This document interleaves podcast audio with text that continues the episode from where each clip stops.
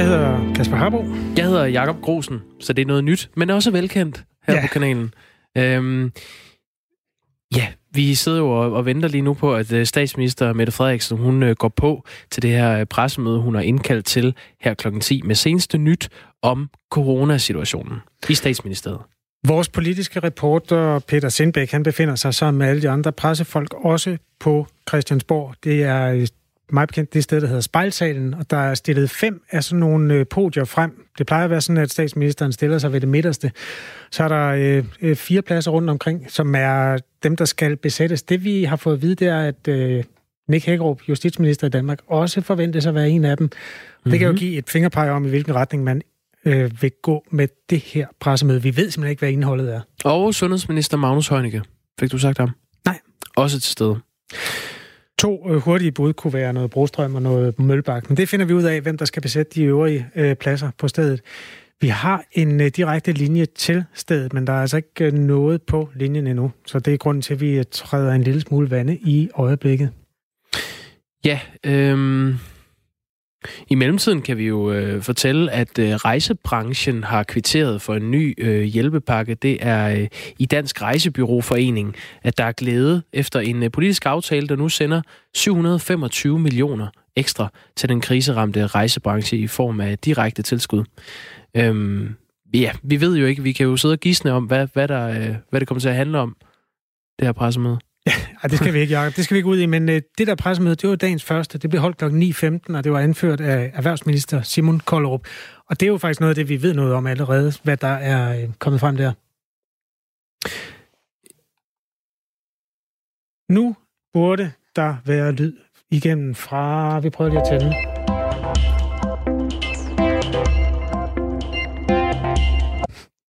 Det altså, var ikke meget øh, lyd, du fik fra pressemødet derigennem.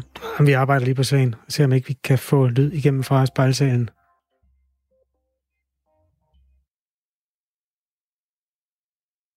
Samfundet åbner igen, gradvist og kontrolleret.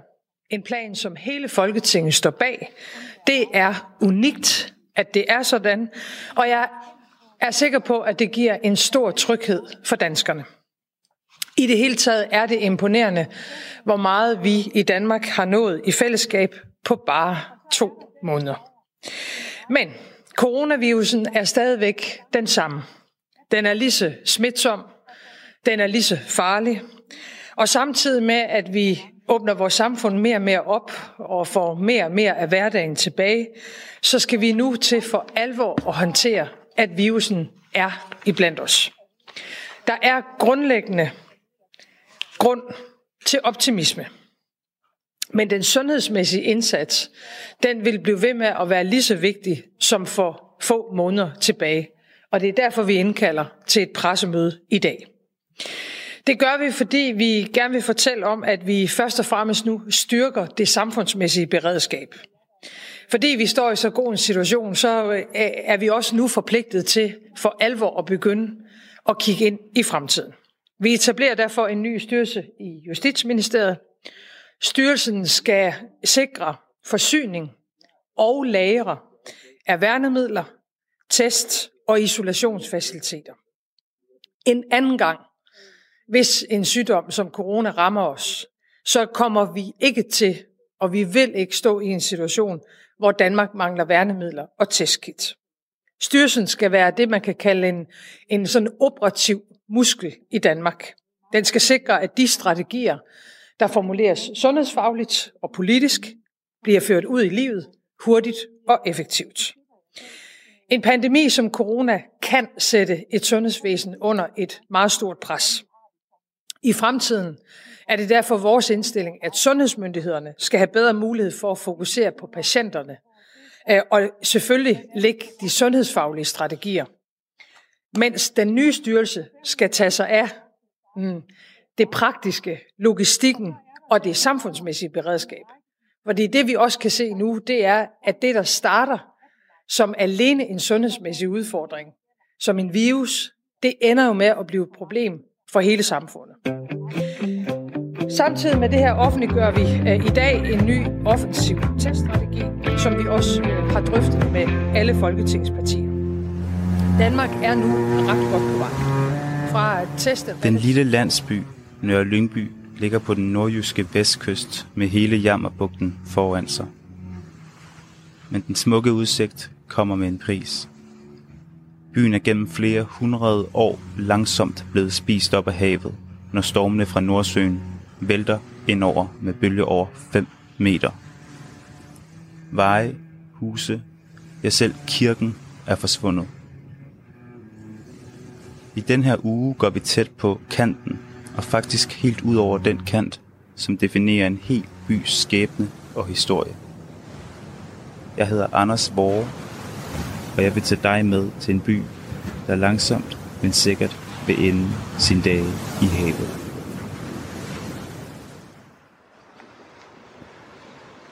Du lytter til anden episode af Tæt på serien En by på vej i havet. Allerede fra den her uge begynde at opspore, hvem den smittede har været i kontakt med. Så de personer, man har været i kontakt med, kan blive testet hurtigt og isoleret, hvis de er smittet. Så bryder vi smittekæderne. Og værnemidler har vi også et stærkt fokus på. Først var det en mangelvare, både i Danmark og i rigtig mange andre lande. I dag har vi nu de visirer og, og masker og den håndsprit, som vi skal bruge her og nu. Derfor er det også vigtigt, at værnemidlerne når hele vejen ud, ikke mindst også til medarbejderne i ældreplejen. Og tak til alle de virksomheder, som har været med til at få det her til at lykkes. I har omstillet jeres produktion, I har organiseret luftbroer, og dermed udvist et fantastisk samfundssind. Det er faktisk en rigtig stor øh, præstation. Jeg synes, det er en sejr for fællesskabet. Næste skridt, det er at få opbygget lager. Både til de kommende måneder hen over sommeren og efteråret, men jo altså også til fremtiden. Ambitionsniveauet skal være højt, og vi betragter nu værnemidler som samfundskritisk infrastruktur. Coronakrisen har vist os, at det er helt afgørende at handle hurtigt. Det har vi gjort, men vi skal allerede nu se ud over den aktuelle genåbning af Danmark og være bedre forberedt, både hvis der kommer en anden bølge af corona eller en helt ny pandemi. Mens vi nu er i gang med genåbningen, øh, og mange oplever, øh, kan jeg godt mærke, også noget fornyet håb, øh, så skal vi minde hinanden om, at det er langt fra alle, der har det sådan. For mange er genåbningen faktisk ledsaget af en ny usikkerhed. Det gælder nogle af de ældre, det gælder kraftpatienter eller andre, der er særligt sårbare, måske fordi I lider af en kronisk sygdom. I skal stadigvæk holde jer hjemme. I skal stadigvæk passe rigtig godt på jer selv. I den kommende tid vil I jo opleve, at der er flere mennesker, når I går ud og handler, eller måske bare går en tur, og det kan gøre det sværere for jer at leve jeres liv. Og derfor i optimismen, og i den glæde, som jeg tror, de fleste af os oplever ved et stadig mere åbent Danmark, så skal vi altså huske på dem, der er mest udsatte, hvis de får coronavirusen. Vi skal blive ved med at tage hensyn. Vi skal blive ved med at holde afstand. Når vi nu sætter ind både med en mere offensiv teststrategi og med værnemidler, så er det også af hensyn til jer, der er de mest sårbare. Med den rette brug af værnemidler og test, så kan I forhåbentlig også få mere af jeres tiltrængte frihed tilbage. Se noget mere af familien, få besøg af børnebørnene. Som samfund er vores fælles forpligtelse over for ældre og sårbare ikke blevet mindre i takt med genåbning af Danmark den er faktisk kun blevet endnu større. Når vi kigger rundt til andre lande, så er der mange lande, der åbner mindre, end vi gør her i Danmark. Og fra et udgangspunkt, hvor meget mere har været lukket. Husk bare på situationen i en række europæiske lande, hvor forældre og børn har været indenfor i ugevis med forskellige grader af udgangsforbud. Vi har en del at glæde os over i Danmark.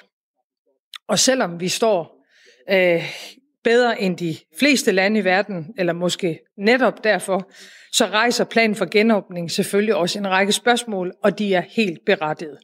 Hvad er logikken i, at noget må åbne op, og andet ikke må? Når vi siger ja til et storcenter, hvorfor siger vi så nej til et museum?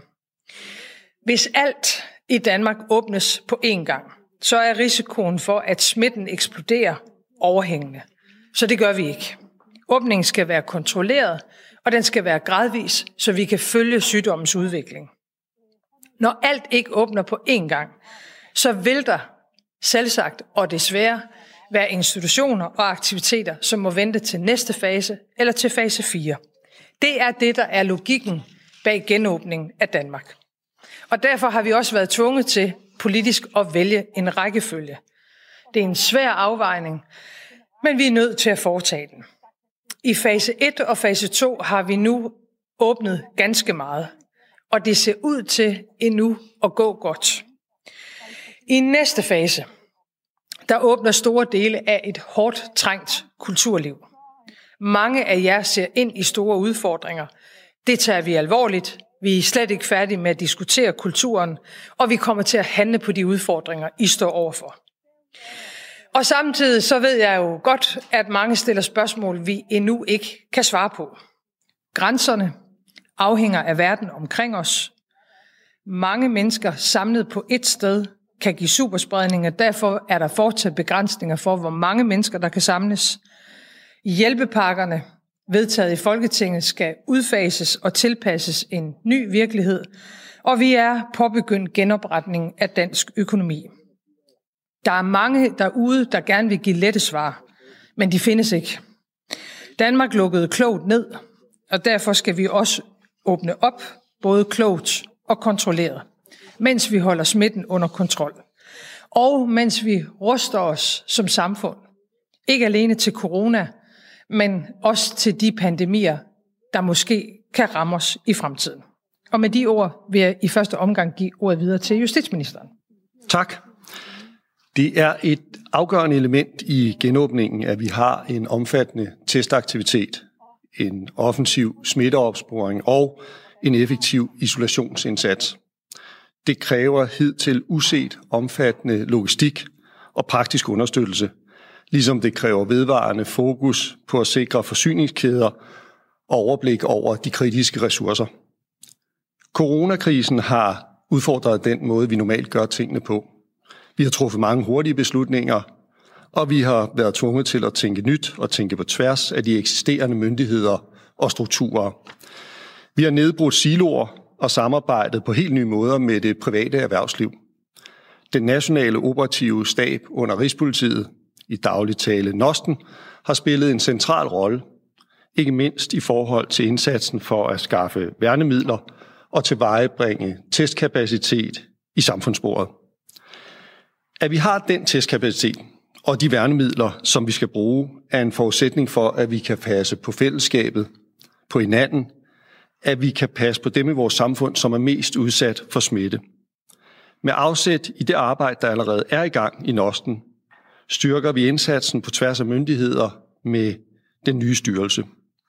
Styrelsen skal sikre en central og koordineret indsats, når det kommer til opbygning af lærere med værnemidler og sikre testkapacitet. Den skal sikre koordination mellem de mange forskellige involverede myndigheder og være omdrejningspunktet i det helt afgørende samarbejde mellem det private erhvervsliv og den offentlige sektor. Og i samarbejdet med andre lande i forhold til forsyning med samfundskritisk infrastruktur. Styrelsen skal levere de fornødne muskler på et globalt marked, hvor efterspørgselen er stor. Det betyder også, at sundhedsmyndighederne i højere grad kan fokusere på de opgaver, som er kerneopgaver for sundhedsmyndighederne, mens dens praktiske understøttelse og logistik løftes af nogle andre. Som statsministeren sagde, skal styrelsen være klar fra august. Styrelsen skal altså både hjælpe os igennem en eventuel anden bølge af covid-19, men den skal også fremover være omdrejningspunktet for en dansk indsats, hvis lignende kriser rammer det danske samfund. Det er rettidig omhu. Vi skal være rustet og robuste. Vi skal være parate. Vi skal være klar til at reagere, når vi igen bliver ramt af en krise. Indtil styrelsen er klar, vil der ske en løbende oprustning i understøttelsen af Nosten med henblik på, at vi sammen med sundhedsmyndighederne kan sikre den bedst mulige test- og smitteopsporingsindsats. Tak. Tak for det. Så giver jeg ordet videre til sundhedsministeren. Tak for det. Den nationale teststrategi, vi lægger frem i dag, baserer sig på tre elementer. Test, opsporing, isolation. Hvorfor er det nu vigtigt? Lad os tage dem fra en ende af. Først test. Jamen, vi har testet øh, 385.000 øh, test har vi foretaget her i, i Danmark. Det er jo folk med symptomer, også milde symptomer. Det er frontpersonale. Nu skal vi gå endnu mere offensivt til værks.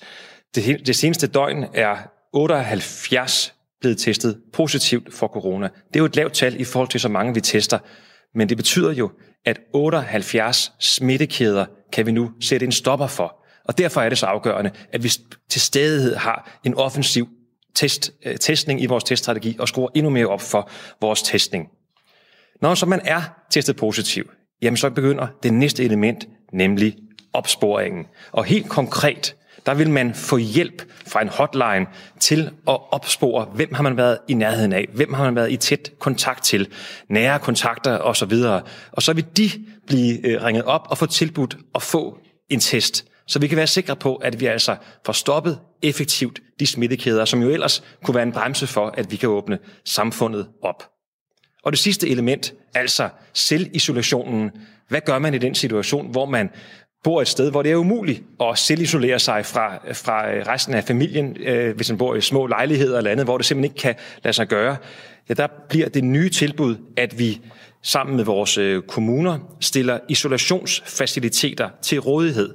Det kan for eksempel være nogle af de feriecentre, hoteller eller lignende, som jo for mange vedkommende i dag står mere eller mindre tomme, at der vil man kunne få, blive et, få, få et frivilligt tilbud om isolation uden for eget hjem, hvis man er testet positiv, og hvis man vurderer, man har brug for det.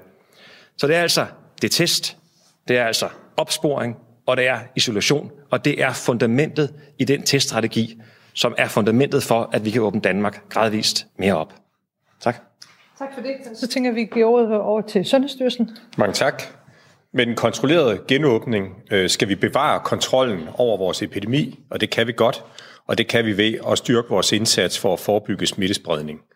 Og forebyggelse af smittespredning hviler på tre ting i prioriteret rækkefølge.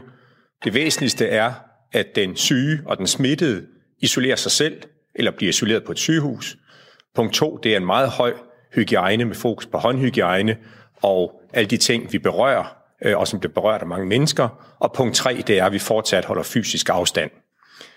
I forhold til at isolere den syge og den smittefarlige, så er udfordringen med den her nye coronavirus, at man jo kan smitte, også selvom man ikke har symptomer. Der adskiller den her sygdom sig fra mange andre, øh, som vi har kendt tidligere. Særligt i dagene op til, at man selv begynder at få symptomer, der ved man, at man kan være smittefarlig. Så det er det, som er kernen i vores nye strategi med et intensiveret fokus og indsats på at opspore de tætte kontakter til folk, der er bekræftet smittet, fordi vi ved, at tætte kontakter selv har en stor risiko for at være smittet, og så tilbyde en test, en undersøgelse af virus i svælget på de tætte kontakter på de tidspunkter, hvor vi ved, der er størst sandsynlighed for, at vi kan finde virus, også før symptomerne indtræder.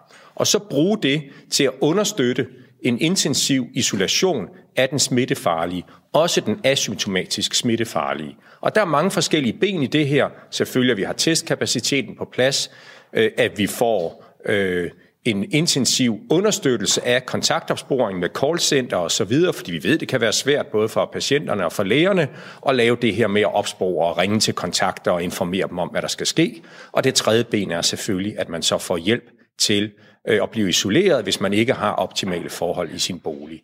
Og med det er vi ret optimistiske i forhold til, at vi kan bevare kontrollen, bryde smittekæderne i den her situation, hvor vi laver en genåbning af samfundet. Tak. Tak til dig, Søren. Så giver jeg ordet videre til Serum Instituttet. Kåre, værsgo. Tak. Den opskalering af testaktiviteten, der er sket i Danmark, er foretaget ved, at regionerne har øget deres øh, testkapacitet, således at man på de mikrobiologiske laboratorier, der findes rundt omkring på sygehusene i Danmark, kan teste mere.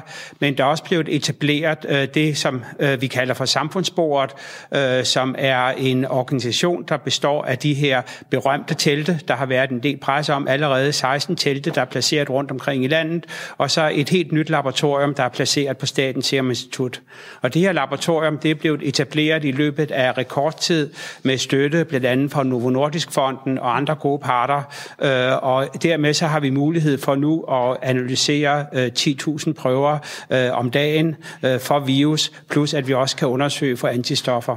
Og formålet med det her store arbejde, det er at understøtte det rigtig gode arbejde, der er i regionerne, men også have mulighed for at teste de nære kontakter, øh, som jo er vigtige, som vi har hørt, øh, og finde og sikre, at de ikke smitter videre. Øh, så det er altså personer, der kan have været udsat for smitte, øh, og som skal undersøges øh, aktivt. Og det vil ske øh, langt hen ad vejen i øh, Testcenter Danmark. Øh, derudover vil testcentret også øh, tage øh, nogle tilfældige stikprøver og undersøge danskerne, således så vi hele tiden kan følge en repræsentativt udvalg af danskere, og det er en del af monitorering af epidemien under genåbningen. Og det vil også være muligt at tilbyde test gennem Testcenter Danmark til frontpersonale, der for eksempel arbejder i kommuner eller i andre ikke-regionale regi. Og på den måde så vil det kunne opfylde et meget vigtigt behov i forhold til at understøtte genåbningen. Tak for det. Og så slutter vi af med Udenrigsministeriet. Tak for det. Det er nu to måneder siden, vi gik ud og sagde til danskerne, bliv hjemme. Vi fraråder alle ikke nødvendige rejser til hele verden. Øh, og samtidig så sagde vi til alle dem, der var derude, kom hjem og kom hjem i en, øh, i en fart. Henover den seneste weekend har vi endnu en gang forlænget vores globale rejsevejledning. Det vil sige, at vi siger stadigvæk til danskerne, bliv hjemme forløbet til udgangen af, af maj. Vi får to reaktioner på det budskab. Nogen siger, forlæng endnu længere, vi vil gerne blive hjemme, og så er der andre, der siger, få nu åbnet, så vi kan komme øh, ud. Vi forstår sådan set øh, begge de her øh, budskaber. Man må også bare sige, at når de, når de strider i, i begge retninger, så afspejler det nøjagtigt den usikkerhed, der er. Der er stadigvæk smitte ude i verden. Den vil vi meget, meget gerne forhindre, at vi får til Danmark. Der er øh, betydelig øh, usikkerhed om, hvordan man, hvis man gerne vil rejse, overhovedet kan rejse rundt. Der er mange, mange tusind danskere, der har været strandet derude. Vi har ikke noget behov for, at der er danskere, der strander igen, og øh, der er indrejserestriktioner, der er karantænebetingelser, og i øvrigt er der stort set ingen forbindelser mellem, mellem lande. Så derfor fraråder vi stadigvæk, at man, øh, man rejser ud. Det vil simpelthen være ufornuftigt at, at begynde at rejse øh, på nuværende tidspunkt. I de to måneder har vi så gjort, hvad vi kunne for at få alle danskere hjem. På det tidspunkt, vi sagde kom hjem, var der mere end 100.000 danskere ude i verden. Her til morgen er der under 800, som beder om udenrigsministeriets hjælp til at komme hjem. Så vi er nået ekstremt langt i at få alle hjem. Til gengæld også sige, at de sidste øh, er virkelig øh, strandet. Der er som sagt stort set ingen forbindelser, så det er svært at få dem hjem. Vi giver ikke op, vi bliver ved, men jeg tror også, vi kigger ind i, at der nok er nogle af dem, der bliver siddende desværre en, øh, en rumtid endnu. Heldigvis mange af dem er hos, hos familier og i, i relativt trygge omgivelser, og det øh, er selvfølgelig godt, øh, men, men vi, vi glemmer jer ikke, vi giver ikke op. Men desværre, verden er ikke, øh, er ikke normal endnu. Tak. Tak for det. Så åbner vi op for spørgsmål. Jeg kan se, at Danmarks Radio ligger for. Ja, Christine Kortsen fra DR. Øhm, I flere og flere lande, der påbyder man jo folk at gå med maske, når man øh, færdes i det offentlige rum. Hvorfor gør man egentlig ikke det i Danmark? Brostrøm, du? Ja, vi har kigget meget nøje på dokumentationen for øh, den generelle anbefaling for at bruge mundbind i det offentlige rum, og vi har også drøftet med vores kolleger i de andre nordiske lande. Øh, og der er vi enige om, at vi kan ikke se, at der er så stærk en dokumentation for at komme ud med så drastisk en anbefaling, som at alle anvender mundbind i det offentlige rum. Vi har også sigte på, at de øh, ting, vi øh, indfører, og de anbefalinger og krav, vi stiller til befolkningen, de skal være holdbare i det lange løb, øh, bæredygtige, om man vil, og det tror vi heller ikke, den vil være i forhold til, hvad vi vinder på det. Så vi skal gå på mange ben i vores øh, forebyggelse af smittespredning i det her samfund, og det er noget af det, vi har beskrevet i de anbefalinger, vi sendte ud i søndags. Og der kan godt være en fokuseret brug af mundbind, for eksempel sårbare grupper, øh, personer, der er på vej til at blive testet, fordi de selv har symptomer. Og noget af det vil vi kigge på, men en generel anbefaling om, at vi alle sammen skal have mundbind på, når vi går ud af døren, det ligger ikke øh, i vores værktøjskasse for nærværende. Så et spørgsmål til, til Mette Frederiksen. Øh, kan du forstå, at der er flere partier, som er utilfredse med, at de sidder og forhandler på Marienborg øh, før weekenden, og så ganske få dage efter, så bliver øh, det her afstandskrav ændret ret markant, og det kunne de godt tænke sig at have vidst, mens de sad og forhandlede om, hvad der skal have lov at åbne i de kommende faser? Jamen, jeg tror, at alle politikere har det sådan, at vi helst vil have øh, det bedst mulige beslutningsgrundlag at stå på. Men altså, vi har jo at gøre med en virus, og vi har at gøre med en situation, hvor øh, både danske og udenlandske erfaringer flytter sig hele tiden.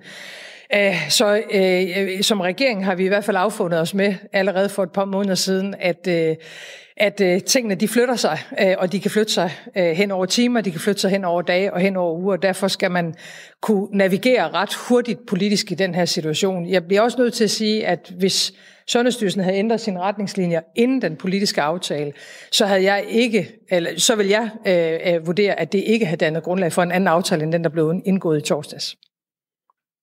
Værsgo. Sværkvist fra TV2. Jeg vil godt lige øh, samle op på et meter øh, spørgsmålet, for det er jo en politisk aftale, hvad der skal øh, ændres og hvilke initiativer I vil have.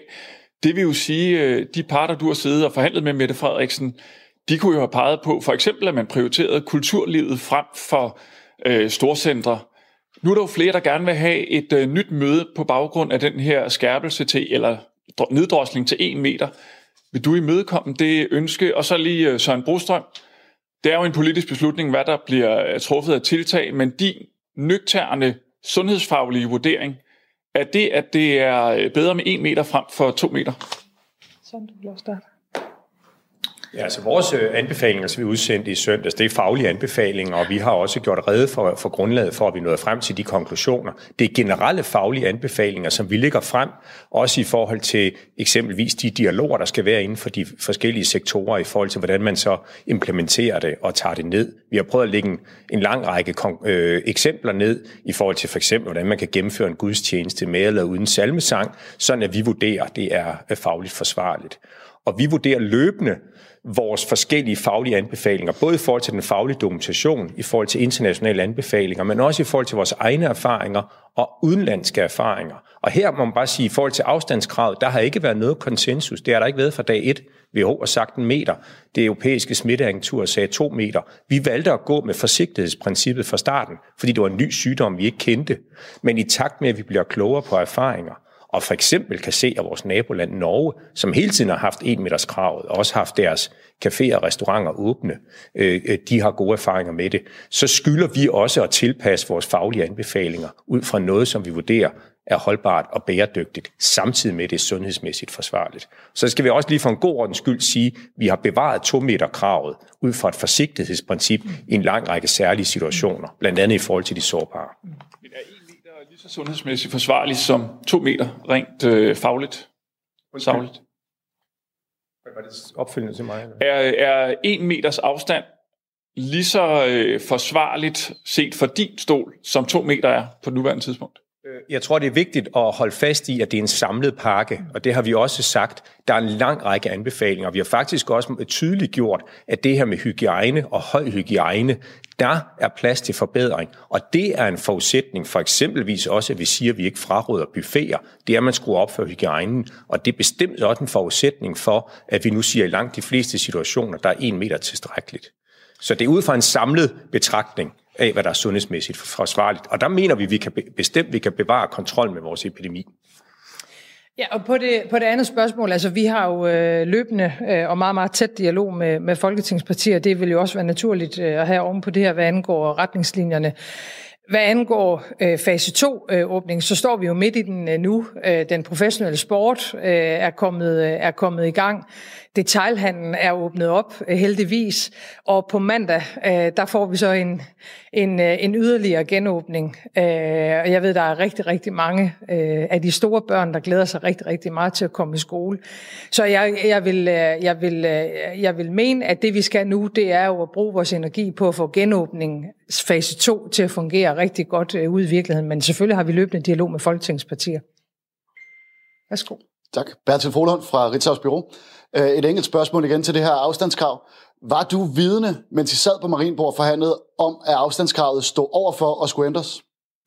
Altså det er sådan i øh, hele den her fase, at øh, sundhedsmyndighederne hele tiden kigger øh, både på de faglige øh, anbefalinger og på de retningslinjer, der er.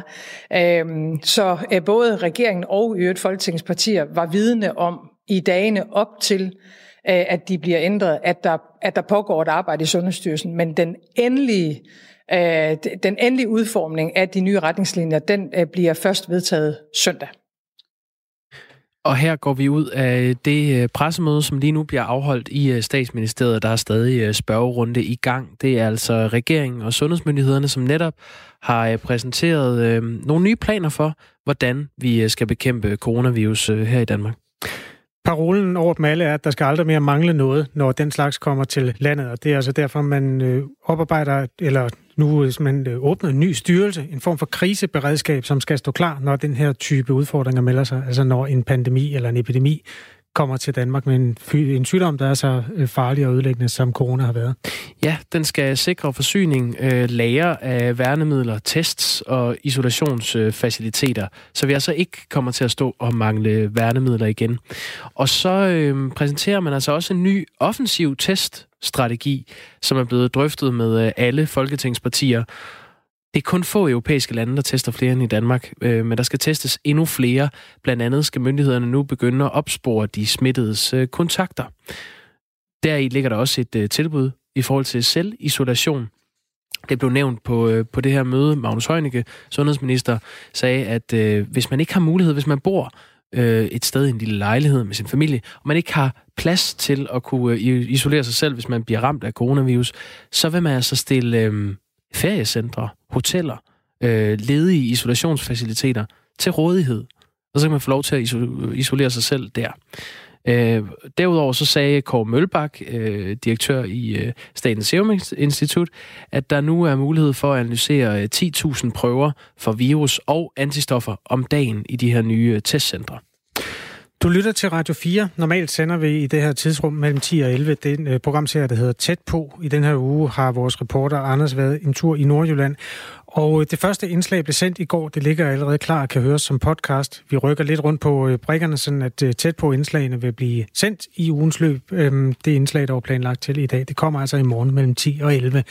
Det her gør vi for at øh, kunne følge dig ordentligt ind i den virkelighed, som er blevet øh, offentliggjort på pressemødet. Og det er altså ikke i den forstand nogen ændrede adfærdsanvisninger til os. Vi skal opføre os, som vi har fået at vide. Der er den der meter, der er lukket for grænserne, og øhm, du skal ikke gå med mundbind, Øh, for nu at opsummere nogle af de spørgsmål, som blev stillet til de myndighedspersoner, som stod klar på pressemødet.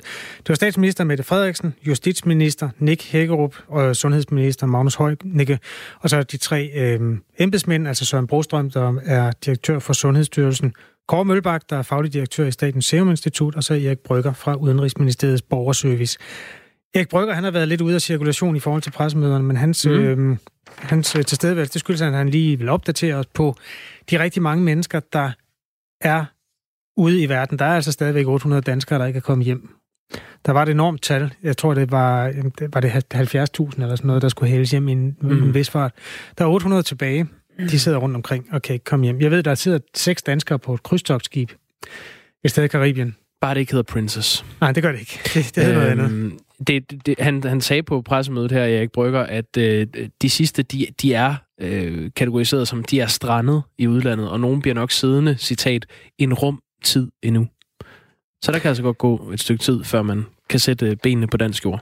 Det handler også om, at øh, grænserne ikke øh, i den forstand er til forhandling lige nu. Altså, bliv hjemme til slut maj er rejsevejledningen fra Udenrigsministeriets borgerservice. Det er der ikke ændret på. Nu er det, bruger man hele tiden det udtryk, der hedder ikke nødvendige rejser. Jeg tror simpelthen ikke, der nogensinde er nogen, der er rejst ud på noget, som de definerer som en unødvendig rejse. Men når noget bliver beskrevet som en ikke nødvendig rejse, så er det jo, altså, der er nogle få erhverv, hvor man kan påkalde sig det stempel, at det er en meget nødvendig rejse, og så er der de der meget specielle familierelationer, mm. hvor det er vigtigt, at man når frem. Men alle andre rejser, turisme er lagt ned som som øh, udenrigsfænomen i øjeblikket. Det var budskabet fra Erik Brygger. Ja, og nu kan vi sige uh, goddag til Niels Højby, som uh, skulle være med os, uh, overlæge og professor. Han er på uh, vores telefon. Um, ja. Goddag, Niels Højby. Goddag. Goddag. Det er jo en... Ja, uh, det er, er klar. Ja. Du er klar, det er vi også. Ja. Det er jo en ny offensiv teststrategi, der er blevet præsenteret på det her pressemøde for, for få minutter siden. Um, hvordan reagerer du umiddelbart på, på det, der er blevet, blevet præsenteret for os? Jamen, generelt er det meget, meget fornuftigt. Det, det er faktisk det, jeg selv har efterspurgt i flere kronikker, jeg har skrevet. Det er den helt rigtige måde at gøre det på. Altså, de går ud, og de laver også opsporing af folk, øh, hvis der er kontakter til nogen, der er blevet smittet. Ikke? Og de laver også i sundhedssporet, øh, ja, det, det er det, det kører på hospitalerne, der, der, der laver de mere omfattende, men det vigtigste er, ude i samfundssporet, der laver de også en øh, faktisk en videnskabelig undersøgelse af, hvor stor er smittetrykket i Danmark ved at tage øh, altså var det 2.600 personer ind, tror jeg, den største orden der, øh, tilfældigt udvalgte. De er allerede blevet inviteret, og så undersøger de, om de har eller har haft øh, covid-19. Det er yderst fornuftigt. Og så har de indført altså også, at man har mulighed for at lave selvisolation selvfølgelig, men man kan også blive øh, isoleret på et hotel, og det er også noget, det jeg har efterspurgt, for det har man gjort i en række andre lande. Altså, det er rigtig godt. Ja, og så, så er der jo det her med, at der skal testes endnu flere det er jo også en del af det. Udover det, du, øh, du nævner, øh, Kåre Mølbak, han øh, præsenterede, at der nu er mulighed for at kunne analysere de her prøver for, for virus og antistoffer om dagen i de her nye, nye testcentre. Mener du, at er det her en, en farbar vej, hvis vi skal have bragt coronavirus helt ud af det danske samfund? Ja, det er den eneste farbare vej, og det, jeg tror også, det lykkes os faktisk. Det er den eneste lille, øh, skal vi sige, spørgsmålstegn, jeg sætter det er øh, antistoftesten, der skal afgøre, om man har haft det. Den er ikke sikker nok endnu. Så der vil jeg anbefale, at de ud over at lave hurtigtesten, som ikke er særlig sikker, så, laver, så får de også en blodprøve. Det er ikke ret meget blod, der skal til. Så kan de lave den anden test, og de kan gemme blodprøven, hvis de finder ud af, at der alligevel er øh, nogle krydsreaktion, som man faktisk måler antistoffer mod de almindelige coronavirus i Danmark. Så det er det, jeg vil anbefale. Men jeg synes, at det er yderst fornuftigt. Niels Højby, den der antistoftest, den skal jo vise, at man på et tidspunkt har haft det i kroppen. Og der har været nogen forvirring om, for det første, hvor længe man egentlig er syg, og hvor længe man har øh, aktivt stof i kroppen. Der har været noget med nogle, øh, jeg tror det var koreanere eller sådan noget, der blev øh, testet positiv for anden gang. Øh, altså, eller måske var det, fordi de stadigvæk øh, testede positiv 6-8 uger efter, de var smittet. Hvad, hvor langt er man med det der fænomen, der hedder en antistoftest lige nu? Jamen, man er faktisk ikke længere endnu, fordi det er det samme øh, antistoftest, som øh, e- egentlig kommer fra Kina og er udviklet meget hurtigt, så de er ikke rigtig blevet kvalitets ordentligt endnu. Så, så, så det er på lidt eksperimentel basis, vil jeg sige. Og så er der en anden ting, er, altså de antistoffer, de måler på, det er dem, der er i blodet, og det forhindrer for eksempel, at man får en lungebetændelse. Men det er ikke den slags antistoffer, der forhindrer, at man bærer af, af virus, eller for den sags skyld bakterier i, øh, i luftvejen, altså de øvre luftveje, det vil sige i svældet og i bihulerne og næsen og sådan noget. Det er nogle andre nogen, som, øh, som øh, kommer ud på slimhinder. Det tester man ikke for. Hvad kan sådan en test bruges til? Altså udover at det for den enkelte er rart at vide, om man kan blive smittet en gang til, kan den så bruges til noget i samfundsperspektiv? Uh, det, vi gerne vil undersøge, det er jo det, vi kalder mørketallet. Det vil sige, hvor stor en del af befolkningen har haft den her infektion uden at have egentlige symptomer. Altså en meget mild, måske lidt forkølelse, måske lidt ondt i halsen, så er det gået over. Ikke? Det er det, man gerne vil vide, fordi det kan man bruge til at beregne, hvor stor smittetrykket faktisk er. Så det, det er det, man gerne vil. Øh, det, det, det vil ikke sige noget som helst om, om man er beskyttet mod den næste infektion. Det vil den ikke kunne sige. Niels Højby, øh, overlæge og øh, professor. Tak fordi du var med her. Ja, velkommen. Du lytter til Radio 4 øh, i en særudgave, som lige følger et pressemøde til dørs. Et pressemøde, der udspiller sig i spejlsalen Ja, i statsministeriet, hvor du har befundet dig, vores øh, kære politiske reporter Peter Sindbæk. Du er med os? Er du med os, Peter? Ja, det skulle jeg gerne være. Det skulle du gerne. Øhm, Peter, der er lidt ekko på, så vi skruer lige lidt ned, mens vi uh, taler til dig. Så skruer vi op, når, når du siger noget. Øhm, noget af det, vi har beskæftiget os med, uh, Kasper Harbo og, og jeg selv, uh, her til morgen i Radio 4 morgen, uh, det er den her kritik, der har været fra oppositionen, som uh, har været lad os bare sige pænt vrede over, at uh, regeringen ikke enten har for tid, eller også har de ikke undersøgt ordentligt, om øh, Sundhedsstyrelsen var på vej med nogle lempelser af det her afstandskrav, som øh, der har været til, at vi skulle have holde to meters afstand til hinanden. Så det er blevet sat ned til en meters afstand, og det skete få dage efter, at Folketingets partier med øh, regeringen har aftalt øh, en plan for, øh, for øh, fase 2 i genåbningen af, af det danske samfund. Øhm, under det her pressemøde, der blev Mette Frederiksen spurgt ind til det, om hun vidste, at Sundhedsstyrelsen barslede med sådan nogle krav. Og det sagde hun, hun ikke vidste. Øh, kan du ikke sætte nogle ord på, hvad, hvad det var, der blev sagt? Jamen ganske rigtigt, som du også siger, Jacob, så øh, er det jo en kritik, der har været løftet fra særligt de borgerlige oppositionspartier og øh, støttepartiet Radikale Venstre. Og vi står altså i en situation, hvor statsministeren jo medgiver, at det er en løbende udvikling, der foregår blandt sundhedsmyndighederne, altså hvor man undersøger, hvorvidt man skal rette øh, retningslinjerne til eller ændre på de anbefalinger, man giver til danskerne og til virksomhederne og til erhvervslivet generelt. Øh, og her medgav hun altså, at det var ikke noget, der sådan nødvendigvis stod øverst på hendes tavle, da man havde de her forhandlinger, og hun fejrer det jo sådan cirka sådan set lidt hen og siger, at det er noget, vi er bevidste om, når vi sidder og forhandler, at det med meget kort varsel kan føre til ændringer øh, fra sundhedsmyndighederne i deres anbefalinger. Hvad skal man så lægge i den øh, kritik, der har været fra, fra oppositionen? Er regeringen om netop ikke at, øh, at ville øh, oplyse og give et, et fuldstændigt øh, oplyst grundlag til i forhold til at, at lave politiske forhandlinger? Altså, det har jo været en, en, en kritik, der er blevet ved med at pible frem, øh, siden man begyndte at have de her øh, forhandlinger omkring en mulig genåbning, og så sidenhen øh, egentlig konkretisere, hvad, øh, hvilke elementer i det danske samfund, der skal åbne i hvilket øh, tempi. Øh, der har særligt oppositionspartierne været ude med en kritik af, at man ikke kan få indsigt blandt andet i de beregninger, der ligger til grund for, øh, hvordan vi ser på smittetryk, men også Øh, i de grundlæggende overvejelser, der ligger i samspillet mellem regeringen og sundhedsmyndighederne, når man kommer med de konkrete anbefalinger. Så den kritikken er sådan set ikke ny. Her der tror jeg, det øh, i meget høj grad handler om en, den følelse af tillid, der er øh, mellem partierne og mellem partilederne i det her lukkede rum, der foregår på, øh, øh under forhandlingerne. Og der øh, kommer den melding, der kommer øh, søndag, Øh, fra øh, Sundhedsstyrelsen omkring øh, reduktion af afstandskrav jo lidt som en overraskelse for mange øh, politikere, fordi man tænker, det burde I da have vidst. Og det siger statsministeren altså, at mm, vi har alle sammen været bevidste om, at man konstant sidder og fokuserer på, om de her anbefalinger skal opdateres eller ej.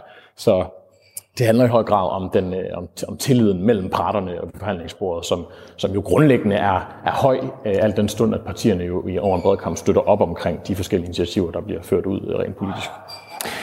De myndigheder, der har ført ordet i forbindelse med coronaen og udbredelsen af den i Danmark, det har jo været Sundhedsstyrelsen, og så ja, Borgerservice, Udenrigsministeriets Borgerservice, som vi hørte her, og så Statens Serum Institut. Men det, der i virkeligheden var det første, der blev sagt på pressemødet i dag, Peter Sindbæk, det var, at der kommer en ny styrelse, som skal stå for det kriseberedskab, der er brug for i den her type situationer. Hvad ved du om den? Jamen altså, statsministeren flankeret af justitsministeren, øh, fordi det er hans øh, ministerium, den her nye styrelse og det nye styrkede samfundsmæssige beredskab, som man kalder det, skal, skal ligge. Det er jo en, en reaktion på også øh, en diskussion og en vedvarende kritik, der har været af myndighedernes forberedelse på øh, den her pandemi, nemlig at der i i de indledende faser af pandemien manglede værnemidler, at man, der var uklarhed omkring vores testkapacitet, øh, som jo også i, i dag bliver annonceret, øh, skal udvides relativt betragteligt, som jeg også har talt med flere kilder om, før I taler med mig. Øh, så vi ved, at, at, at det kræver en styrelse, der skal koordinere en, en mulig reaktion på den næste del af epidemien, en eventuelt anden bølge, men også en, en styrelse, som på, lang, på den lidt længere bane skal fokusere på, hvordan vi har et meget effektivt beredskab, skulle vi stå i en situation, hvor en pandemi spreder sig i samfundet øh, en gang til. Vi ved helt konkret, at det er en styrelse, der skal oprettes, som sagt, under Justitsministeriet, men at det også er en styrelse, som øh, skal være klar fra, øh, fra august, og dermed også skal sikre forsyning og tilstrækkelige lager af, af værnemidler, øh, samt øh, tilgængelighed af, af tests og også isolationsfaciliteter, som altså har et mere sammenhængende mm. beredskab mm. klar, hvis det her det skulle ske igen, eller at pandemien skulle komme tilbage øh, i efteråret. Det lyder altså ikke særlig juridisk, når du taler om de ting, der er Peter Værnemidler og testkapacitet. Hvorfor skal sådan en styrelse ligge under Justitsministeriet?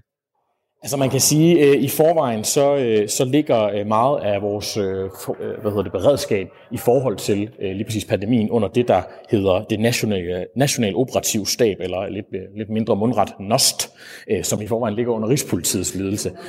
Og derfor tror jeg, at det rent strukturelt har været, har været givetigt for regeringen at placere styrelsen i, i de hvad kan man sige, under nogle rammer, der minder om dem, øh, vi har haft indtil videre. Men mere konkret kunne man jo selvfølgelig godt stille det spørgsmål, hvorfor sådan en styrelse ikke øh, hører bedre til under, øh, under Sundhedsministeriet eksempelvis, også set i lyset af de meget store beføjelser, som man politisk har givet øh, sundhedsministeren øh, under den her øh, coronakrise.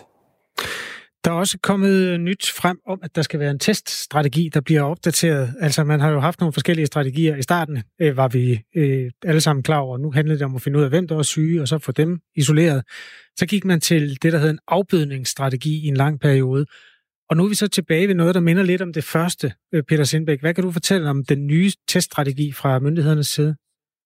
Den teststrategi, vi, vi nu øh, omfavner fremadrettet, øh, vækker jo mindelser i høj grad om nogle af de testregimer, vi har set fra, fra særligt asiatiske lande. Øh, Sydkorea er et af de første, der sådan lige springer, springer frem, nemlig en relativt offensiv tilgang til bredere testning af folk, der både har symptomer, men også de såkaldte asymptomatiske personer. Altså øh, folk, som kan gå rundt og være relativt store smittebærere, men som ikke viser symptomer. Og den danske øh, testkapacitet er jo løbende øh, også i høj grad i kraft af, at kapaciteten er blevet udvidet, og man har købt mere ind, jo så også blevet udvidet, men nu ligger man så op til, at man skal iværksætte yderligere tests, øh, og som, det skal så ses som et supplement til øh, testindsatsen, når man opretter det her testcenter Danmark, hvor man yderligere øger kapaciteten med 10.000 tests per dag. Det skal, man skal så også hæfte sig ved, at statsministeren jo også noterer sig her på, her på pressemødet, at Danmark nu rent faktisk er et af de lande, der mål på indbyggertal øh, tester flest øh, dagligt.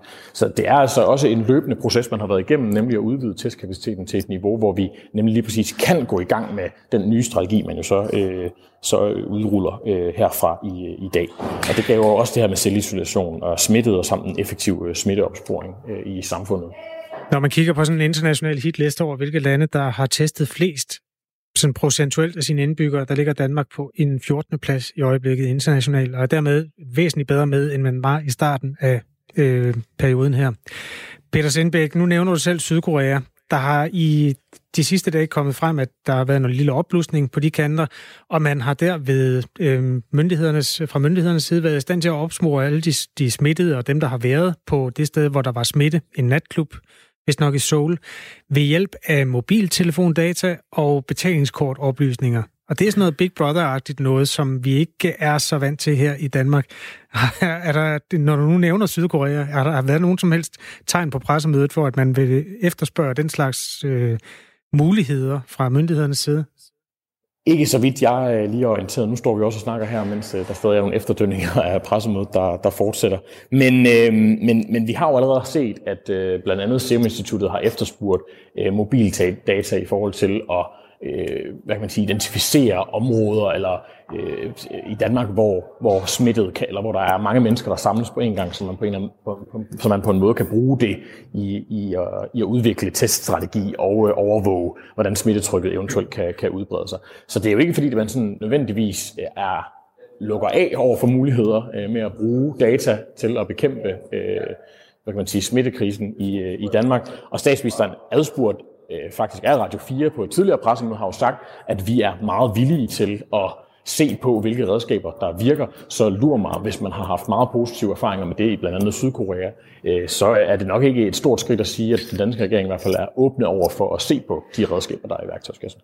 Peter Sindbæk, øh, noget der sådan har været øh, bemærkelsesværdigt under det her forløb, det har jo været, at ingen ved, ingen har prøvet det her før. Og derfor har der også været, som Kasper også lige kort var inde på, flere forskellige strategier fra de danske myndigheder i forhold til, hvordan vi skulle gribe den her corona-epidemi an.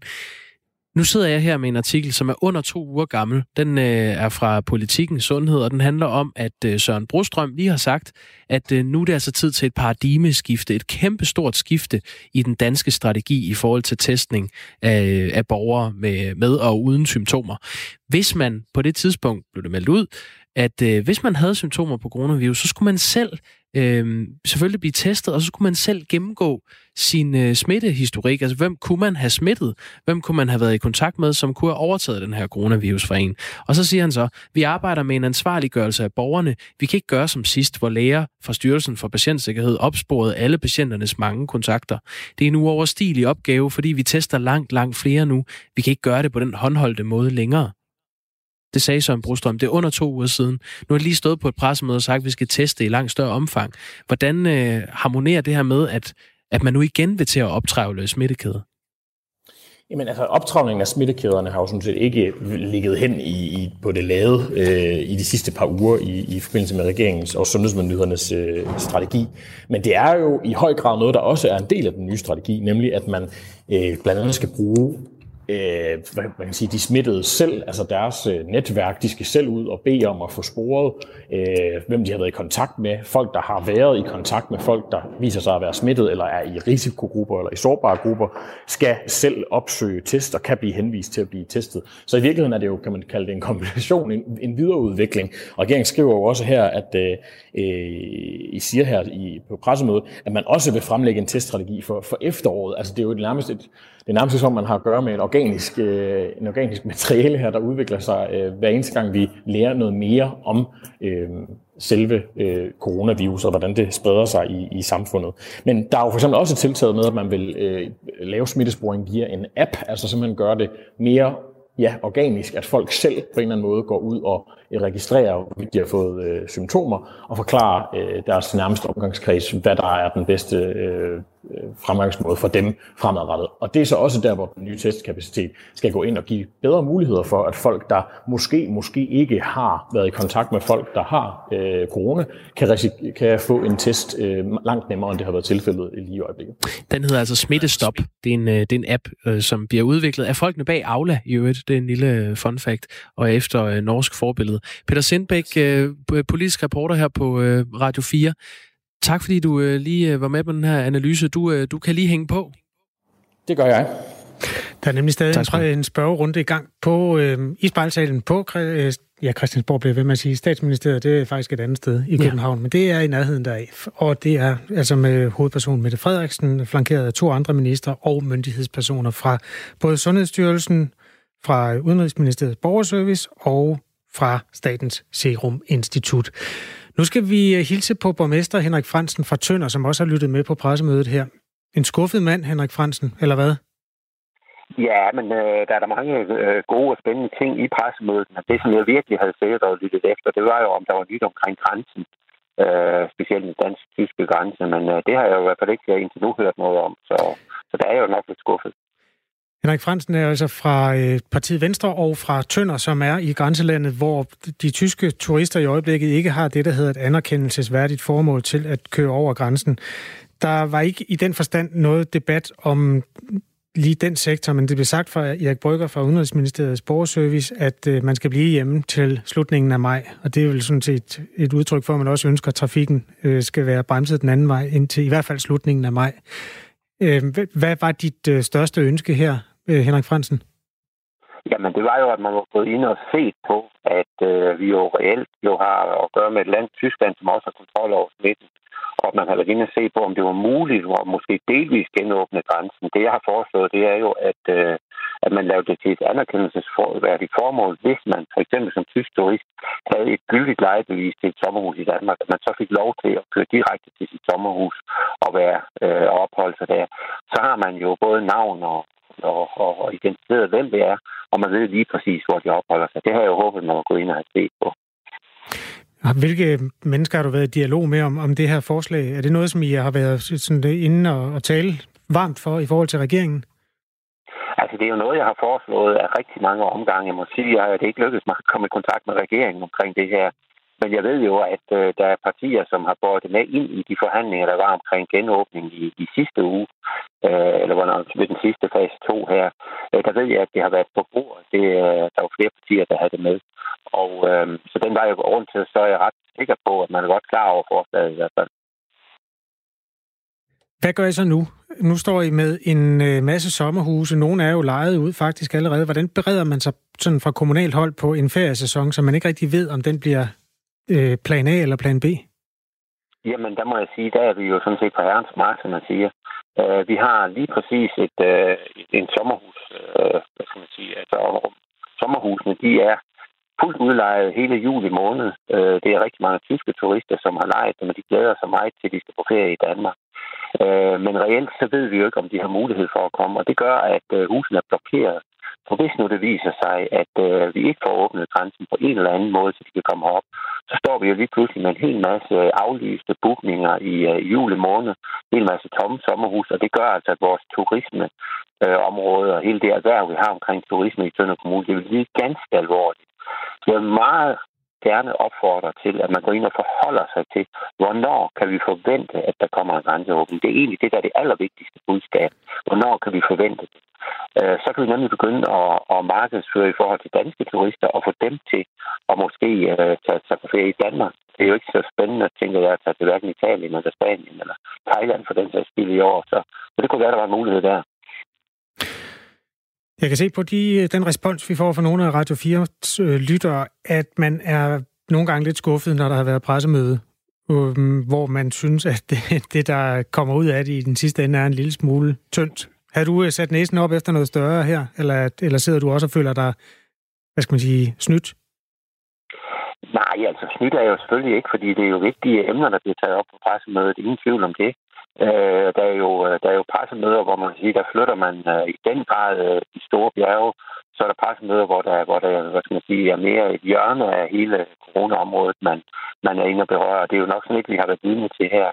Men at sige, at det ikke er relevant, eller at sige, at det er, at jeg er skuffet over det, det vil jeg som ikke. Jeg har bare gerne set, at man har været, også været inde og arbejde med, med grænsen i den her omgang. Henrik Fransen, du skal have mange tak, fordi du har tid til at være med i øh, Radio 4. Ja, velkommen. Han er borgmester i Tønder, og han er venstremand, og altså, øhm, ja, Henrik Fransen er navnet. Klokken er 5 minutter i 11. Vi følger et pressemøde i statsministeriet til dørs. Ja, og i mellemtiden så fortsætter spørgerunden til det her pressemøde i spejlsagen i statsministeriet, hvor vores øh, politiske reporter Peter Sindbæk, han følger øh, slagets gang. Peter Sindbæk, øh, Kåre Mølbak, faglig direktør i øh, Statens Serum Institut, skulle lige have sagt, at øh, man ikke regner med, at der kommer en anden bølge af den her coronavirus i Danmark. Øh, hvad, hvad blev der sagt? Jamen ganske rigtigt, som du siger, så er det et øh, budskab fra, øh, fra Kåre Mølbak, altså øh, faglig direktør i, øh, i Statens Serum Institut, som jo virkelig har været en mand, der har udtalt sig, hvad kan man sige, relativt bramfrit omkring, øh, hvor vi ligesom står henne. Øh, han siger, citat, vi skal gøre alt, hvad der står i vores magt for at forebygge en egentlig anden bølge. Det mener jeg, at vi har forudsætningerne for nu, og vi har lært meget om, hvordan vi skal håndtere coronavirus ude i samfundet og på sygehuset. Men vi kommer til at se ændringer i smittetrykket, understreger han. Altså, det er ikke umuligt, at der kommer en anden bølge, men vi har nu redskaberne og opbygger den nødvendige kapacitet og mønstre i samfundet til, at de i hvert fald ikke forventer at se øh, en, en anden bølge, som mange folk jo har øh, frygtet, øh, at øh, virus simpelthen kommer tilbage med fornyet kraft, øh, lige snart vi, vi begynder at færdes mere sammen og øh, i, i øvrigt sammen med en, med en generel influenza-epidemi. Øh, Peter Sindbæk, øh, vi har fået en sms fra en øh, lytter, som øh, Kasper var også lige lidt inde på det, at, øh, som ser det her som en eller anden form for øh, satire-setup. Altså, der, så er der et pressemøde mere. Mette Frederiksen, hun elsker at stå der. Øh, alt for meget. Regeringen står pinlig og forpjusket tilbage med hensyn til testning af Danmark langt bagefter. Højnik aner overhovedet ikke, hvad der foregår. Øh, bla bla. Øhm, det, det står der i den her sms. Er det, øh, er det, også, øh, er det også dit indtryk? Men hvordan, øh, hvordan oplever du det her pressemøde? Altså de budskaber, der bliver præsenteret. Er det her øh, en stor begivenhed, eller er det øh, endnu et af de pressemøder, vi har set en hel del af? Ganske rigtigt, så kan det jo være svært nogle gange at lige sætte fingeren på, hvad overskriften for øh, det her pressemøde, eller lignende pressemøder, bør være. Altså nogle gange strider det lidt i forskellige retninger, som du også selv er inde på her. Og her der kan man jo sige, at vi går lidt tilbage til nogle af de spørgsmål, som der blev stillet på nogle af de indledende pressemøder, da vi gik i gang. Nemlig, hvad er det for en strategi, vi gennemfører? Hvad er det for en strategi, vi følger? Øh, og der har jo været meget debat om for eksempel, at øh, Verdens Sundhedsorganisation, WHO, jo meget tidligt i forløbet, helt op til to måneder siden, gik ud og sagde, at den eneste vej frem, det var test, test, test, altså en, en udpræget inddæmningsstrategi. Og nu kan man så sige, at med to måneders forsinkelse, så er vi altså øh, på et niveau, hvor kapaciteten i det danske samfund ligger på et niveau, hvor vi rent faktisk kan gennemføre en, en inddæmningsstrategi, altså med test og opsporing og så isolation. Og det er altså det, regeringen ruller ud nu. Øh, så kan det være, hvilken måde man lige pakker det ind på, hvilken indpakning den her nye teststrategi får. I hvert fald så øh, har man jo skiftet lidt fra hest til hest, og det er jo i hvert fald det, der må være overskriften for det her, at nu er vi endelig øh, nået et punkt, hvor man rent faktisk har kapacitet i samfundet til at følge lige netop den inddæmningsstrategi, som er blevet talt så meget om. Mm. Så kan man jo på den måde øh, springe lidt øh, imellem de forskellige overskrifter, der kunne komme ud af det her pressemøde, men for mig må jeg da indrømme, at øh, det nyhedsbarometer slår klart hårdest ud på den der med, der kommer ikke nogen anden bølge. Altså, det synes jeg, der er sensationelt, hvis det er tilfældet.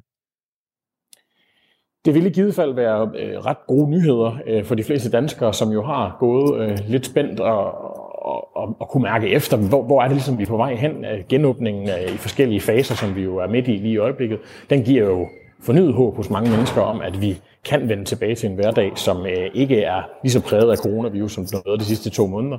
Men, men omvendt så har der jo hele tiden luret de her snakker om, sådan, det er ikke sikkert, at virus den bare uddør. Og det er jo også derfor, der har været politisk så meget fokus mm. på, at smittetrykket i Danmark ikke må stige eksplosivt, øh, og at virus jo på sigt helst skal uddø øh, i Danmark. Det gør den jo så også automatisk, hvis vi holder smittetrykket under det her famøse 1,0. Yes. Godt, Peter Sindbæk.